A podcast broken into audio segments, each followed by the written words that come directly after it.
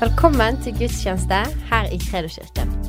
Nå så hører du på en av våre taler fra forrige søndag.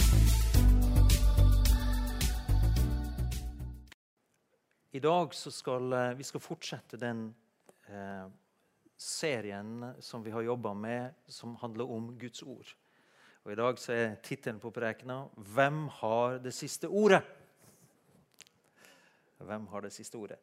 Jeg vet ikke hvordan det er hjemme hos eh, deg. Hvem er det som har det siste ordet? Eh, jeg prøvde meg her for et par julaftener siden å bestemme hvor juletreet skulle stå hen. Jeg kan si det, det gikk veldig dårlig. Det tok ikke lang tid før jeg måtte flytte det. For det var noen andre som hadde det siste ordet. Eh, kanskje du er alene hjemme og du har heldigvis ingen å krangle med hvor juletreet skal stå. Eh, og du bestemmer, og du har det siste ordet. Men så hørte jeg også her rett før, før eh, prekenen her, så var det noen andre som har liksom tilsvarende opplevelser. Eh, Så Kyrre, kan ikke du fortelle hvem det er som har siste ordet når, når det gjelder ditt utseende her? For, for, for, ja, det kommer på henne. Hallo, der var vi. Ja, hei. Eh, under koronaepidemien vi var hjemme, så tenkte jeg at jeg skulle prøve å anlegge litt skjegg. Som et sånt lite forsøk. I begynnelsen så var det nei. Men jeg benyttet sjansen å gjøre det, og nå eh, etter en liten stund så fikk jeg beskjed om at det måtte aldri komme av igjen. Så, så der blir det. det ikke, jeg ble ikke spurt. Så sånn kan det gå. Nei, men så er det sånn at vi eh, prøver jo å hjemme å bli enige om når det er store, viktige beslutninger. Så prøver vi å bli enige, samstemte, ikke sant? slik at vi kan ha det siste ordet sammen. Og så skjer det en sjelden gang he, at mannen må skjære igjennom og ta det siste ordet. Det skjer av og til. Ikke?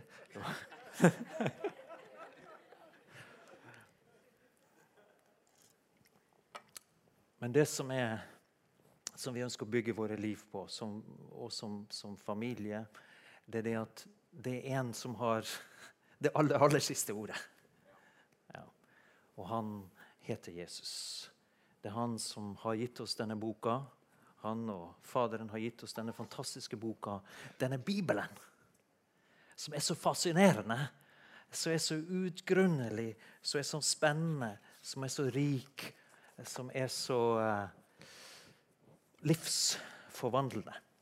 Og Skal vi få opp første verset her på uh, Så står det at i Salme 138 fra vers 2 så står det Jeg bøyer meg mot ditt hellige tempel. Jeg priser ditt navn for din miskunn og troskap. Du har gjort ditt navn og ditt ord større enn alt. Gud har satt sitt eget navn, og han har gitt oss navnet Jesus Kristus. Det er høyere enn alle andre navn. Det navnet må alle bøye seg for, om de vil eller ikke. Ja. Og så står det at han har også satt sitt ord over alle ting. Det betyr at det som han har åpenbart gitt oss i Skriftene, det er den høyeste autoritet i mitt og ditt liv. Men det betyr også når du så Jesus, hvordan han møtte naturkreftene. Han stoppa stormen. Han, han, var så han gikk på vannet. Altså, han var ikke begrensa av naturlovene. For hans ord, når han hørte Faderen si noen ting, så gjorde han det. Og da overprøvde han naturlovene. Da var det som var umulig, plutselig mulig. Fordi at det var et ord ifra Faderen som var høyere. Han hadde det siste ordet. Og eh, det, er en annen hemmelighet når vi skal lese Bibelen. Men hvis vi, hvis vi ikke tar imot Guds ord og leser Bibelen på den måten, så vil du brytes med Skriftene. Men vi trenger å ta, ha en sånn grunnleggende holdning. Gud vet best. Så hvis jeg skulle mene noe annet enn Gud, og han da korrigerer oss, så er det vi som forandrer oss. Gud forandrer seg ikke. Og jeg har opplevd, og det har du sikkert også mange ganger i livet, at jeg har måttet korrigere meg, jeg har måttet bøye meg. Men det er jo det som er greia. Når man da bøyer seg for Guds ord, så gir det gode frukter. Det gir gode resultater. Det er så mye bedre enn om jeg skal insistere på, på mitt. Guds ord er den høyeste autoriteten når det gjelder hvem han er, hvem vi er, hva som gjelder. Når det gjelder moral, etikk, alle ting, er Guds ord den høyeste autoritet. Det er en annen ting som er, bra å ha med oss i, i uh, tankene når vi studerer og deler Guds ord. Det er det i Salme 119-160 så står det at summen av ditt ord er sannhet. Dine rettferdige lover varer evig. Og ja, Peter, Peter, can you come? Jeg har med meg Peter her fra kjøkkenet, som uh, De gjør en fantastisk jobb med å lage mat som jeg og du kan få uh, ta del av nå etter gudstjenesten. Men spørsmålet er kan du, bare, du kan bare stille der, skal jeg ta mikrofonen her. For at denne retten her Dette er en suppe med brød. What, uh, what is uh, the name of the soup? Ja, så Blomkålsuppe. Får vi lyd på den? Det var OK. Men uh, you can speak, I can translate. Um, en blomkålsuppe. Uh, but could you please explain what ingredients are in it? Uh, yeah, sure. Uh, it's called. Altså, så jeg sp- spør om Hvilke ingredienser fins i denne suppen? uh, it's cauliflower, Altså, altså uh, f- fløte, blomkål, uh, milk, melk, salt, pepper, salt, pepper, and uh, stock. Kraft. Kraft. kraft. Ja. Kraft. Kraft. Det var et nytt ord. Bra. Um, hvis du bare, for eksempel, hvis du uh, uh, bare hadde drukket kraften, hadde det vært så veldig godt? Hæ? Er det noen som bare liker å drikke kraft? Liksom. Du hadde fått det i deg, men det hadde ikke vært så veldig deilig. Det hadde sikkert vært næringsrikt, men hvis du, hvis du bare hadde tatt saltet, da, hvordan hadde det vært? Hæ? Har du prøvd noen gang å bare ta salt på tungen? Du holder ut ei lita stund, men så blir det for sterkt. Eller har du tatt ba bare pepper noen gang? Hæ? Hva skjer hvis du bare tar pepper? Begynner du å nyse og horke og Ikke sant? Og, og sånn, litt sånn er det et bilde på Guds ord. Takk skal du ha. Så den her er fantastisk god. Vet du hvor du får den etter møtet? Amen. Tusen takk. Du kan bare sette den der. At eh, vi trenger hele Skriften, hele Guds ord, for at suppen skal smake godt, eller kaken skal gjøre den nytten det er sendt til. Hvis jeg og du bare leser dommerboken, og vi så den isolert for seg sjøl i Skriftene, så tror jeg de fleste av oss hadde blitt ganske deprimert. Det er jo frafall, og så reiser Gud opp en dommer, og så går det galt. Folket gjør opprør, og så tar de seg av guder, så roper de om hjelp, for de blir undertrykte av en fiende. Og så kommer Gud og reiser opp en ny dommer, ikke sant? og så hjelper dem og berger dem. Og så når han dør, så er det nytt frafall. Og i noen tilfeller så er jo selve dommeren som berger dem, han blir jo da instrumentet som fører folk litt senere inn i avgudsdyrkelsen. Hvis du bare leser dommerboken, så lurer du på i alle dager hva er det som skjer. Eller en annen bok i Bibelen. Men vi trenger også dommerboken for å se helheten. Hva, hva, hva lærer vi av den? Jo, vi ser på en måte hvor, hvor fallen, hvor korrupt mennesket er i seg sjøl, i sin natur. Håpløst korrupt. Men hvordan da Gud berger dem igjen og igjen. Hvor barmhjertig og nådig og god han er. Ikke sant? Men alt det her gir ikke helt mening hvis vi ikke da har Nye testamentet og får åpenbart Faderens hjerte og vesen i personen, hans sønn Jesus Kristus. Da begynner hele Skriften å gi mening. Blomkålen i suppen må være der for at det skal være blomkålsuppe. Hvis det er bare salt eller kraft eller pepper eller så er det ingen blomkålsuppe. Så summen av Guds ord Det er derfor vi kan ikke det, er noen som sier nei, men vi tror ikke at Det gamle testamentets Gud er noe annen Gud enn Det nye testamentet. Nei da. Hele Skriften er inspirert av Gud og nyttig til opplæring. Oppdra i rettferdighet. Vise vei. Eh, så, så, det er bra å ha litt dose Nytestamentet, også kjenne til Skriftene og historien i Gamle testamentet. For vi lærer av alle ting. Det er liv og kraft i hele Skriften. Så til og med når du spiser pepper og leser Tredje Mosebok, så er det liv og kraft der. Fordi at den er blanda med nåden i Kristus, med åpenbaringen, så blir det en fantastisk godt. Det blir så godsaker, dette her. Og, og Det er også en, en, av de andre hemmelighetene når vi leser Skriftene. for å, det at vi, vi, ser det i lys av Jesus Kristus, som er Gud, og så viser oss hvem Faderen er. Så Jesus, Jeg har sagt det mange ganger, jeg sier det igjen. Jesus sa det. Har du sett meg, har du sett Far. Og slik at Vi må også lese og praktisere Skriftene i den ånd Forstå meg rett. I den vesen som er kjennetegnet eh, Gud. Altså, han er, er kjærlighet. Han er full av nåde og barmhjertighet. Og og vi ser jo hvordan da Jesus gang på gang kom i konfrontasjon med fariseerne, f.eks. For eksempel. Fordi de, de, kunne Skriftene, eller de, de, kunne, de brukte deler av Skriftene, men de hadde ikke Guds hjerte. Så når eh, Jeg tenker bare på denne kvinnen som ble grepet i, i hor eller i ekteskapsbrudd. Så kjenner vi til loven. Loven dømte den handlingen som hun gjorde. Og Så var det disse fariseerne som tok henne på fersk gjerning, som tok henne med foran Jesus. Og så spurte de hva sier Moseloven at vi skulle gjøre.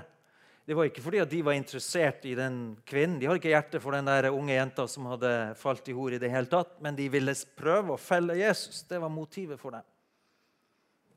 Og så ser vi at Jesus han, Først så svarer han ikke, han bare skriver i, i sanden. Tegner i sanden. Og så, så svarer Jesus at den som ikke har synda, kan kaste den første steinen. Og så ser vi hvordan de da slipper steinen én etter én. og så forlater de denne kvinnen, og så, og så spør han har ingen fordømt deg. ikke sant? Eh, så svarer han nei, Herre, heller ikke jeg fordømmer deg. Og så sier han, gå bort og synd ikke mer.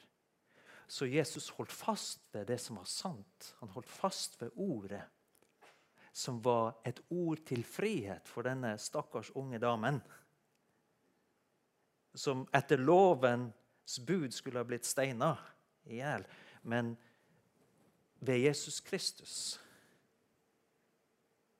så fikk hun nåde. Nå står det ikke hvordan det gikk med den jenta eller den unge damen. Gjorde hun det Jesus befalte henne, eller fortsatte hun den gamle livsstilen? Men skal jeg tippe, så er jeg ganske sikker på at det møtet med den kjærligheten som hun opplevde hos Jesus, den gjorde at hun gikk ikke tilbake til det gamle livet. Jeg er ganske sikker på det. Tror du det? For det var noe med møtet med Guds godhet i sannheten i Skriftene som forvandla livet. Eh, ja, vi, vi, ser det, ikke sant? Fariseerne, de, eh, de vektla ja, de, de, de, eh, vektla liksom dette med, med tiende, eller de ga tiende av eh, Skal vi se her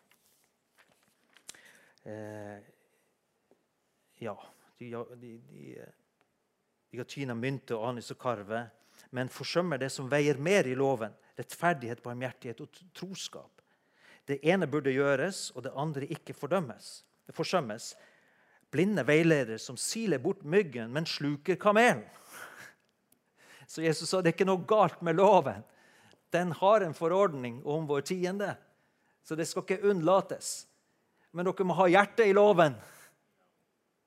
Rettferdighet, barmhjertighet, troskap Eller så vil vi misforstå og misbruke Guds ord. Så det må, det må på en måte dyppes i Guds vesen. En viktig veileder for meg og deg når vi skal skjønne Bibelen og se Jesus i aksjon og hvordan han opptrer. Det står andre ting i Bibelen. Det er at Vi forstår stykkevis og taler profetisk stykkevis. Men når det fullkomne kommer, skal det som, styk, eh, som er stykkevis, ta slutt. Men Gud har altså valgt å bruke det som er ufullkomment, inntil han kommer tilbake. Når jeg forkynner her nå, så er det stykkevis og delt. Det er ufullkomment, det vi gjør. Når vi lovsang nå, så er det av hjertet. Men det er jo, jeg er helt sikker på det at eh, de har et ekstra gir i himmelen. Eh, når vi profeterer, så er det stykkevis. Skal vi slutte å profetere fordi vi ikke gjør det fullkomment? Nei da. når vi ber for syke Jesus har sagt vi skal legge hendene på de syke, skal vi slutte å legge hendene på de syke for at vi ikke ser de samme resultatene som Jesus opplevde? Nei. Vi må bare gjøre det ordet sier, og skjønne samtidig at det er ufullkomment. Alle som kom til Jesus, ble helbreda. Og alle Faderen sendte Jesus til, ble helbreda og satt fri. Uten unntak. Men jeg ærer og takker Gud hver gang jeg opplever det samme. For jeg vet at jeg er ufullkommen i min tro. Jeg vet at det fins både tvil og vantro som kan lure seg inn. Det er ikke alltid en fullkomment åpen kanal for Guds kraft. Men sannelig min hatt, jeg skal legge hendene på de syke. Og strekke meg i min ufullkommenhet, for det fins en fullkommen Gud som er med meg og deg. Og han har bedt oss om å gjøre det. Han har bedt oss om å oppmuntre hverandre. Eh, oppbygge, trøste, formane hverandre. Profetisk tale. Og så sier Bibelen at vi skal bedømme det. Altså Vi har rett til å bedømme det. Men fordi at det noen ganger blir feil, skal vi ikke slutte å tro på det. Vi kan ikke sensurere Guds ånd på den måten. Vi må vurdere det som blir sagt og gjort. Det har vi lært ut ifra Skriftene. så det hjelper det oss Når vi har Skriftene på innsiden, så er det mye lettere å skille på hva var rent menneskelig, og hva er faktisk virkelig inspirert av Gud. Og det som er virkelig inspirert av Gud, det er livsforvandlende.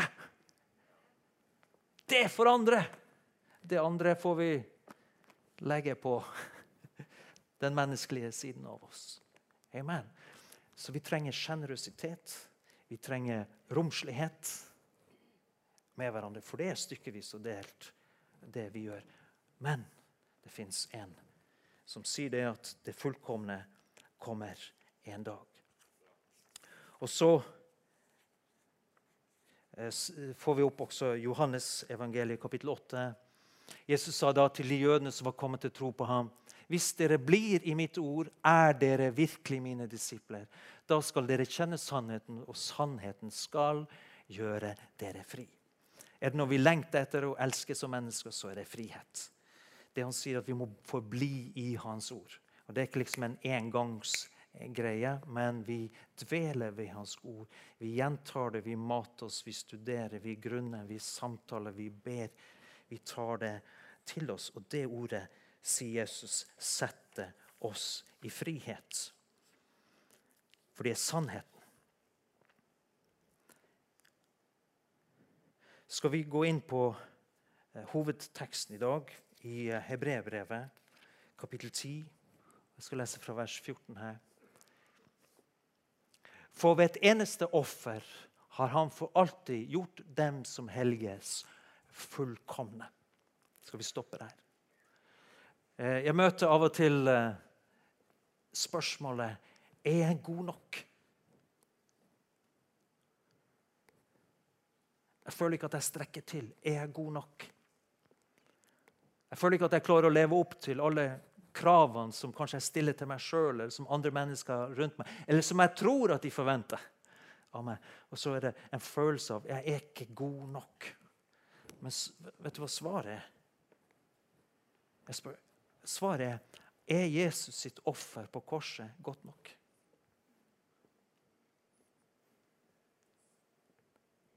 Er det godt nok, det Jesus gjorde? Hæ?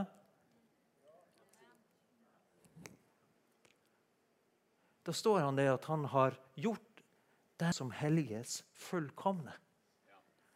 Wow! Så det er jo hva, hva, hva er det du sier, Bibel?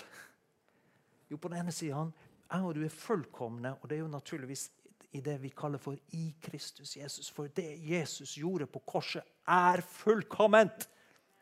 Så om ikke du føler deg fullkommen, så er du fullkommen. Og det er godt nok. Du er, du, I så måte så er du god nok. Mer enn god nok.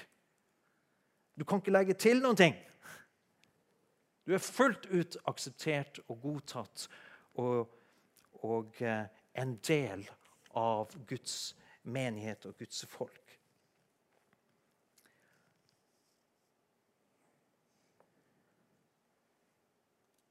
Og jeg vil bare slenge på noen setninger. Om du kommer hit på en gudstjeneste og føler deg som et vridd slips Du sto opp med feil fot, og du er egentlig kjempesur. Det går bra. Vi tåler det. For du er god nok pga. hva Jesus har gjort. Så håper vi at humøret stiger etter hvert. Men kom om du er helt på, på tuppa, så er du hjertelig velkommen. Det er beste plassen å komme sammen med andre troende som forhåpentligvis kan trøste deg, oppmuntre deg og styrke deg.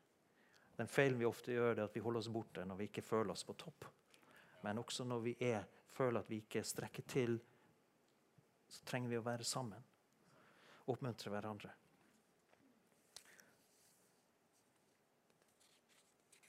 Og det er Altså, Livet kan være ganske tøft, for å si det sånn. Mennesker kan være veldig slemme. Og, og jeg og du møter Noen av dere har knalltøffe jobber. Du har masse ansvar. Du bruker så mye energi på hverdagen. Vet du hva? Ære deg for det. Jeg har bare et, et ønske. Vær, gjør det for Jesus og ta vare på gudslivet ditt. Ta vare på ditt personlige liv med Jesus. For det vil gi deg den kraften til å tåle det du holder på med. Å kunne være et vitne i hverdagen. Det er mye viktigere det enn mange andre ting. At du tar vare på familien din. At du tar vare på barn og barnebarn og venner og alt det der det er gudstjeneste i høy faktor. Så ikke, ikke sett ting opp imot hverandre. Og om du har en sånn utfordrende hverdag at du har ikke overskudd til å komme hit og være parkeringsvakt eller stå på, i kafeen, det er helt greit, helt greit. Du er mer enn god nok.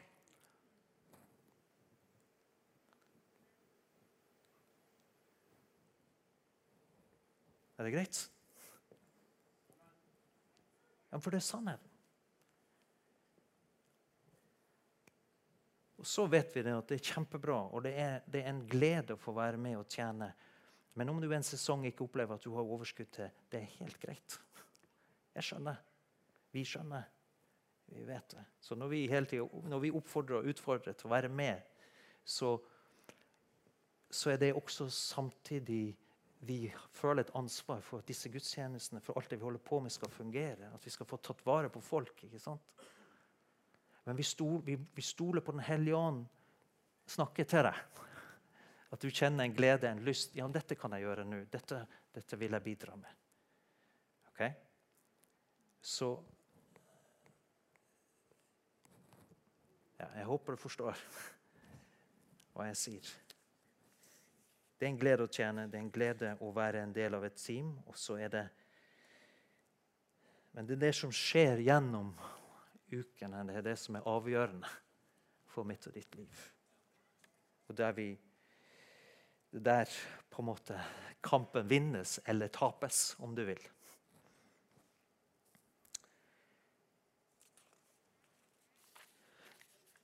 Samtidig som at Gud sier at vi er gode nok,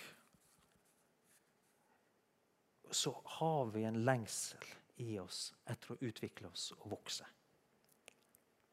Jeg har det, jeg tror du har det. Så vi trenger både det å kjenne at jeg er god nok, jeg er akseptert, jeg er den jeg er. Med det det innebærer. Og Samtidig så, så er det noen ting som, i oss som vil videre. Gud, hva har du for meg? Hva vil du bruke meg til? Hvordan kan jeg vokse? Hvordan kan livet mitt ha mening for andre? Kan vi bare gå videre gjennom teksten her? Og Denne hellige ånd vitner for oss om dette. For Først sier han dette er pakten jeg vil slutte med dem i de dager som kommer, sier Herren. Jeg vil legge mine lovbud i deres hjerte og skrive dem i deres sinn. Og så, jeg vil ikke lenger huske syndene deres og all deres urett. Jeg og du er privilegerte, for vi lever i den nye pakt. Og han sier det at han skal vil legge sine lovbud, altså han legger sitt ord i våre hjerter. Du har en nyskap, du er en nyskapning, du har Den hellige ånd, så du har faktisk Guds ord allerede lagt i ditt hjerte. Du har en egenskap til å gjenkjenne det ekte, rene Guds ord og det som eventuelt ikke er Guds ord. Men vi ser også at han vil skrive det på våre sinn, og her må vi hjelpe til. Vi, må, vi trenger å ta til oss Guds ord, og det igjen vil, vil smelte sammen med det ordet som er, er, i våre hjerter. Den hellige ånd vil sanksjonere det, og når de ordene plantes i våre hjerter, så er plutselig alt mulig. Det som var umulig, er plutselig mulig. For det er en sånn kraft i det levende Guds ordet. Skal vi fortsette. Men der det er tilgivelse for syndet, trengs det ikke lenger noe offer for synd. Så har vi da søsken frimodighet ved Jesu blod til å gå inn i helligdommen. Og Her ser du denne bevegelsen som han beskriver. Gå inn i helligdommen. Så lurer du, lurer du på ja, men er jeg ikke allerede i helligdommen. Jeg er jo en nyskapning i Kristus Jesus. Jeg er jo allerede i helligdommen. Jeg er jo allerede tempel for Den hellige ånd. Jo, det er sant.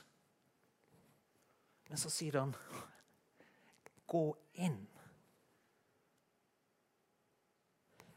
Så det fins en side som er betydningsfullt, og det er at vi stiller våre hjerter og våre sinn og prioriterer å være sammen med vår levende Jesus. Det er ting som, som du får når du er alene med Han, som ingen andre kan gi deg. Du kan få så mye profetier du vil, du kan få så mye håndspåleggelse du vil, du kan være på så mye møter du vil, men det vil aldri erstatte det som han gjør i ditt hjerte når du er sammen alene med han. Åpner Bibelen din, tenker på det du leser, uttrykker dine hjertesukk. Si, fortell ham hvordan ståa er, og du ber han om veiledning. Du ber ham om råd. Du ber ham, Herre, vis meg, tal til meg. Hjelp meg, Herre, med hjertet mitt. Du ser hvor sint jeg er. Du ser hvor skuffa Herre, takk for du hjelper meg og tar ut denne skuffelsen og denne sinnet som jeg kjenner på. Herre, jeg vet at dette, skal, det ikke, dette fører ikke noe godt med seg hvis jeg fortsetter. Fiks hjertet mitt, Herre. Det er bare han som får det til. Men det er fantastisk hvordan det funker. Men hvis vi da bare går på, så får vi ikke de resultatene vi ønsker. Så gå inn og søk Han. Dit han har innviet en ny og levende vei for oss gjennom forhenget, som er hans kropp. Og Siden vi har så stor prest over Guds hus, så la oss komme fram med oppriktig hjerte. Okay? Her ser du den bevegelsen igjen. La oss komme fram. Ja, Er vi ikke kommet fram, da? Jo da. Halleluja, vi er framme! I Kristus Jesus. Han har gjort det fullkomment. Vi klarer ikke å legge til noen ting. Ja, men kom igjen. Hva mener du, da? La oss komme fram i livene våre. Komme fram for Gud. Stenge av andre ting. Stenge av annen støy. Andre stemmer, andre røster, andre meninger. Få tak i hva mener du, Jesus? Jeg, er, jeg må ha din mening, Jesus, om saken. Det er det som teller mest for meg. Han kommer til å gi deg sin mening om saken. For vi trenger å vite hva han mener om saken. Noen ganger aner vi ikke hva som er rett eller galt. Det kan se veldig fint ut, både det og det. Eller det kan se veldig galt ut, både det og det. Jeg tenker på altså, Derfor vi trenger hele Skriften. Tenk på det i Gamle testamentet. Det fins flere eksempler på det. Hvor det var 400 profeter, og 400 profeter hadde galt. Det var bare én som hadde rett. Og alle de som sa Herren velsigne deg, konge, gå ut i strid, han vil være med deg, du vil vinne. Og det ville kongen høre. For det passer seg. Det passer seg å løfte opp kongen. Mens Jeremia Hvis dere bøyer dere for Nebukadneser, så skal dere berge livet. Men han kommer til å innta denne byen. Det var bare én profet som hadde sannheten. Jeg og du trenger å høre fra profeten Jesus.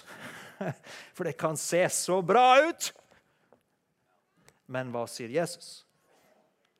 Om alle sier 'fred, fred, fred', fred, å, det er så herlig, det er så vakkert Fred, fred, fred, fred. Ja, hva sier Jesus? Kanskje han sier 'fly'?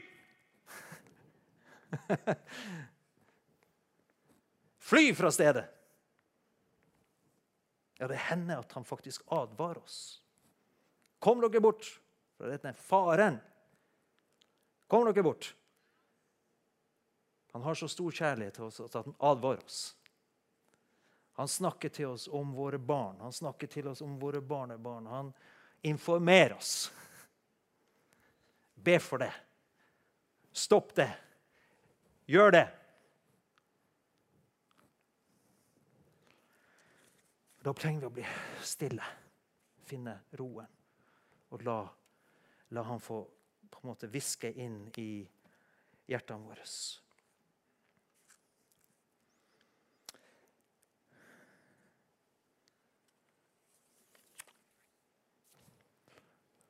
Så la oss komme fram med oppriktig hjerte. Gud er ute etter oppriktig hjerte. Han er ikke ute etter fullkommenhet, for det har han allerede sagt. Det, jeg vet det, dere er ikke fullkommen i den forstand. Så, men gi meg oppriktig hjerte. Gi meg din oppriktighet, sier Jesus. Så skal du se hva som skjer. Så sier han det, og full visshet i troen. altså det, finnes et element, I troen fins det et element av valg. Vi velger å holde Guds ord for sant. Og vi velger å tro det som han sier. Med hjertet rensa for vond samvittighet det er en fantastisk gave som Gud har gitt meg av deg. Og at min og din samvittighet kan bli rensa fra det som har vært, det er så befriende. Det er en ufattelig gave. At vi slipper å dvele ved det som gikk galt. Vi slipper å dvele ved våre synder. Vi slipper å holde fast ved våre mistak.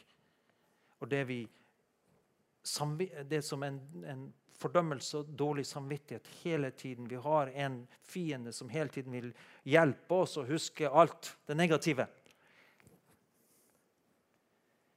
Men Jesu blod renser vår samvittighet fra døde gjerninger.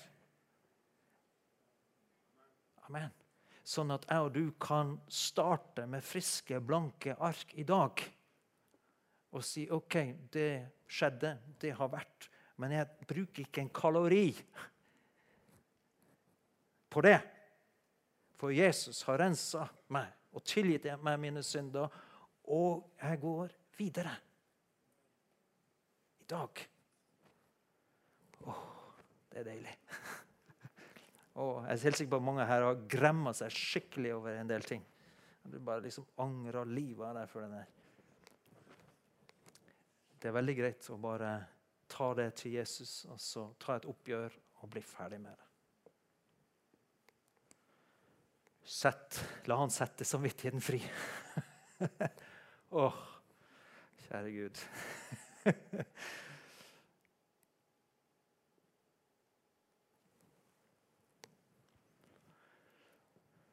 Eh, ja, og kroppen badet i rent vann. Hva mener han? Hva i all verden skal vi gå og dusje hver gang vi skal lese Bibelen eller be? Eller? Er det det han mener?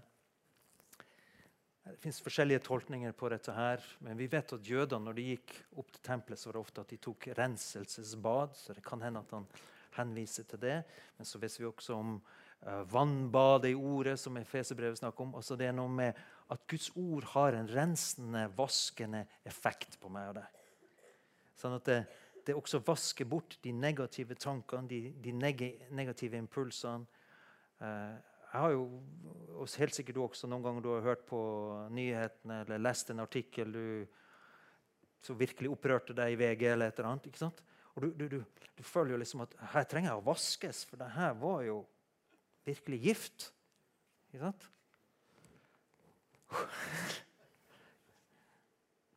Overskriften så interessant ut, men så var det jo pur gift. Og da altså, Jeg vet ikke noe bedre enn å bare la Guds ord få korrigere og vaske og rense kroppen. Eh, renske sjelen. Amen. Så at jeg kan på en måte refokusere på det som er viktig, og det som er sant. Amen.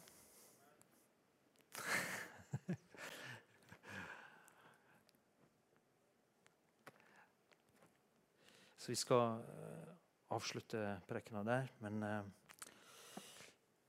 vi ber en bønn. Ja, takk, Jesus. Takk, Herre, for at du, du er så god imot oss. At vi er gode nok og fullkomne i deg, Herre.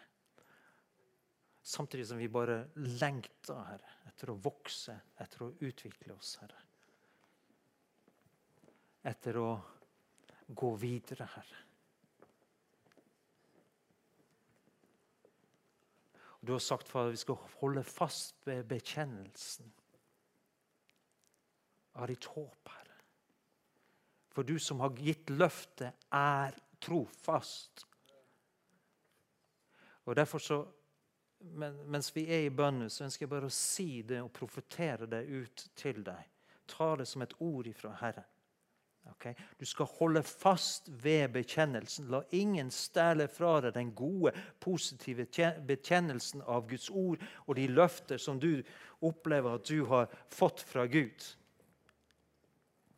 La ingen kvele det eller dempe det, for det er kraft og liv i de ordene du taler ut. Som du tar til deg og legge stemme bak. Du kan jo hviske det, men også uttrykke det høyt for dine egne ører, så du minner deg sjøl på hva Herren har sagt i sitt ord til deg. Det ordet skal du aldri forakte, for det er livgivende og kraftfullt. Og han som ga deg det ordet, han er trofast. Derfor funker det. Det er inget mantra du holder på med. Det er det levende Guds ord du har i din hjerte og din munn.